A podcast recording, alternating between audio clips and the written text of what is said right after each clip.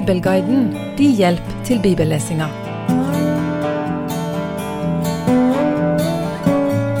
Så langt har første Samuels bok handla om hvordan livet til profeten Samuel starta. Hvordan han vokste opp i tabernaklet og erfarte så mange etter han at det å være innenfor helligdommens vegger ikke er noen garanti på å unngå ugudelighet. Samuel ble oppdratt av øverstepresten Eli. Mens Eli sine to sønner førte til at Eli og hans arverekker mista retten til å være prest. I slaget der Eli sine to sønner mista livet, mista israelittene òg pakkhista, eller paktens ark, til filistene. Etter at den voldte mye elendighet i filisternes fem hovedbyer, sendte de den heim, og den blei stående i Kiryat Jearim lenge. Når Samuel ble gammel og folket forkaster hans to sønner som etterfølgere, siden de er korrupte, utløser det et trolig gammelt ønske i israelsfolket. Ønsket om å ligne de andre folka, ønsket om en konge. Gud ønsker sjøl å være konge, og sier til Samuel at folk ikke har forkasta Samuel med denne uttalelsen, men at de har forkasta Gud. Gud gir de likevel en konge. Og slik jeg forstår det, så velger Gud å fortsette å være med israelsfolket og kong Saul, sjøl om det å ønske seg en konge ikke var Guds plan. Vi har hørt hvordan Saul, på jakt etter farens eselhopper, kommer hjem som konge over et folk som kanskje er stae som esler. Vi har hørt hvordan Saul som konge gjør det bra, og vi har hørt om hva som gjør at han mister sitt kongedømme. Kapittel 15 ender med at Samuel forkynner Saul nettopp beskjeden om at han er forkasta som konge. Nå starter vi snart på kapittel 16 og salvelsen av kong David. Kong David er i større grad enn kong Saul en konge som blir valgt ene alene av Gud. Og Samuel, som også skal salve denne kongen, får klar beskjed av Gud at han ikke må se på det ytre, men på hjertet. Gud ser til hjertet, og Gud valgte David. Og salvingen av kong David er slik som jeg forstår Samuels virke som profet sitt høydepunkt. Samuel var resultat av ei barnløs kvinne sitt bønn om en sønn. Samuel salver David til konge, trulig den største kongen på Davids trone til nå. David peker, som nevnt tidligere, framover på en annen konge, på Jesus, som skal sitte på Davids trone til evig tid. David ble ikke salva av en profet, men han ble døpt av en profet. Jesus ble døpt av profeten Johannes, av døyperen Johannes, og han ble født av ei kvinne som ikke kunne få barn. Det kan se ut som at både profeten Samuel og profeten Johannes, eller døyperen Johannes, hadde så viktige jobber at Gud ga barnløse kvinner barn for å få det til. Nå skal vi til det som jeg mener er Samuels viktigste jobb, salvingen av gjetergutten David til konge. Vi leser fra første Samuels bok, kapittel 16, vers 1. Herren sa til Samuel, Hvor lenge vil du sørge over Saul, enda jeg har forkastet ham, så han ikke skal være konge over Israel. Fyll hornet ditt med olje og gå av sted. Jeg sender deg til Isai i Betlehem, for jeg har sett meg ut en av hans sønner til å være konge. Men Samuel sa, Hvordan kan jeg gjøre slik en ferd? For Saul hører det, slår han meg i hæl. Da sa Herren, Ta med deg en kvige av buskapen og si, Jeg er kommet for å ofre til Herren. innby Isai til ofringen, så vil jeg la deg vite hva du skal gjøre. Du skal salve for meg den jeg sier deg. Samuel gjorde som Herren sa. Da han kom til Betlehem, gikk byens eldste ham skjelvende i møte og sa, Kommer du med fred? Han svarte, Ja, jeg kommer med fred, jeg kommer for å ofre til Herren. Hellige dere og kom med meg til denne ofringen. Og han lot Isai og sønnene hans hellige seg og innbød dem til ofringen.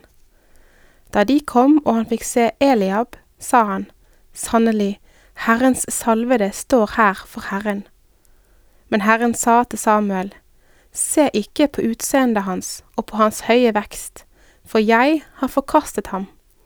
Jeg ser ikke på det mennesket ser på, for mennesket ser på det ytre, men Herren ser på hjertet. Så kalte Isai på Abinadab og lot ham tre fram for Samuel. Men han sa, Heller ikke ham har Herren utvalgt. Isai lot så Shamma tre fram, men han sa, Heller ikke ham har Herren utvalgt. Slik lot Isai sju sønner tre fram for Samuel. Men Samuel sa til Isai, Herren har ikke utvalgt noen av disse. Og Samuel sa til Isai, Er dette alle guttene du har? Han svarte, Ennå er den yngste igjen. Se, han gjeter småfe. Da sa Samuel til Isai, Send bud og hent ham. Vi setter oss ikke til bords før han kommer. Så sendte han bud og hentet ham. Han var rødhåret og hadde vakre øyne og var vakker av utseende. Da sa Herren, Stå opp og salv ham, for han er det. Da tok Samuel oljehornet og salvet ham midt iblant brødrene hans. Og Herrens ånd kom over David fra denne dag og siden. Så brøt Samuel opp og gikk til Rama. Salvingen av David er beskrevet i ett vers, vers 13. Samuel tok oljehornet og salvet ham midt iblant hans brødre. Så kom Herrens ånd over David og ble værende der etterpå. Dette står i kontrast til kong Saul, som fikk Herrens ånd, men som mista den. Så dro Samuel hjem, står det, med andre ord en kort beskrivelse av et viktig øyeblikk. Men hva brukes det da plass på å beskrive? De sønnene som ikke blei salva, utgir flere vers. Legg merke til Samuels tanker når han ser den første sønnen, Eliab. Sannelig, Herrens salve står her for Herren. Nå skal jeg ikke påstå at Samuel her ønsker å salve den første og beste, langt ifra. Men Samuel gjør det som han gjorde med Saul. Han ser på det ytre, det menneskelige, om det er flott eller ikke. Kan ikke vi lett gjøre den samme feilen når vi velger oss ut ledere i menighet eller forsamling? At vi bare ser på det ytre? For på mange måter har vi vel egentlig ikke heller et valg, siden vi ikke har direkte tilgang til å se på det indre. Heldigvis vil jeg gjerne legge til. Men Gud ser på innsida, og sier det òg til Samuel. Men Herren sa til Samuel, se ikke på hans utseende og på hans høye vekst, for jeg har forkastet ham.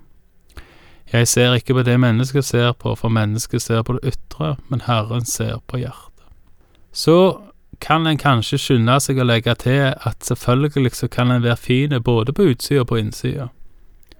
Det står om David at, var, at han hadde vakre øyne og var fager av utseende. Så Herren forakter ikke det pene, tvert imot, han har jo skapt det. Poenget er at det er det indre som teller. Og det blir òg poengtert, mener jeg, i at faren faktisk ikke engang kaller David inn til offerhøytida. Far til David, Isai, ble bedt om å vise fram sine sønner til Herrens profet. Og den minste blir ikke engang innkalt. Det trenger ikke bety at faren ikke likte David. Det trenger ikke være så negativt. Men det kan bety at faren ikke så på David som noe mer enn en gjeter. Han så trolig ikke de kvaliteter i sønnens indre som Gud så. Hadde far til David sett de kvaliteter, så hadde han kanskje kalt han inn til offerhøytida sammen med de andre sønnene og profeten Samuel. Uansett, nå er David salva til konge, noe som påvirker han og kong Saul. Vi leser videre fra vers 14. Men Herrens ånd vek fra Saul, og en ond ånd fra Herren forferdet ham. Da sa Sauls tjenere til ham, Se, en ond ånd fra Gud forferder deg. Herre, si bare fra til dine tjenere som står her for ditt ansikt, at de skal finne en mann som kan spille harpe. Når så en ond ånd fra Gud kommer over deg, skal han spille på harpen sin. Så vil det bli bedre med deg. Da sa Saul til tjenerne sine, Ja, finn en mann som spiller godt, og før ham hit til meg. En av de unge mennene svarte og sa, Se, jeg har sett en sønn av Isai fra Betlehem som er kyndig i å spille. Han er en djerv mann og en stridsmann. Han er god til å tale for seg og en vakker mann. Og Herren er med ham. Da sendte Saul bud til Isai og sa, Send til meg sønnen din David, han som gjeter småfe. Så tok Isai et esel som han leste brød på, en skinnsekk med vin og et kje og sendte det med sin sønn David til Saul. Slik kom David til Saul, og han ble i hans tjeneste. Saul ble meget glad i ham, og han ble hans våpensvein. Og Saul sendte bud til Isai og sa, La David bli i min tjeneste, for jeg har fått godvilje for ham. Når da ånden fra Gud kom over Saul, tok David harpen og spilte på den. Da fikk Saul lindring. Det ble bedre med ham, og den onde ånden vek fra ham. Hva den onde ånda som kom over Saul var for noe, det kan trolig diskuteres. Og en kommer da lett inn i en diskusjon om det ondes problem, eller en diskusjon om Gud sendte den onde ånda, eller om hun kom som et resultat av at Guds ånd forlot Saul. Slår en av et lys i et rom, så tar mørket over med en gang hver gang. Og leser en i Johannesevangeliet, det første kapittelet, så leser vi at uh, lyset skinner i mørket, og mørket tok ikke imot det. Så hvor nå den onde ånda kom ifra, det kan kanskje være det samme. La oss heller be om at lyset skal skinne i vårt mørke. Takk for i dag, og Herren være med deg.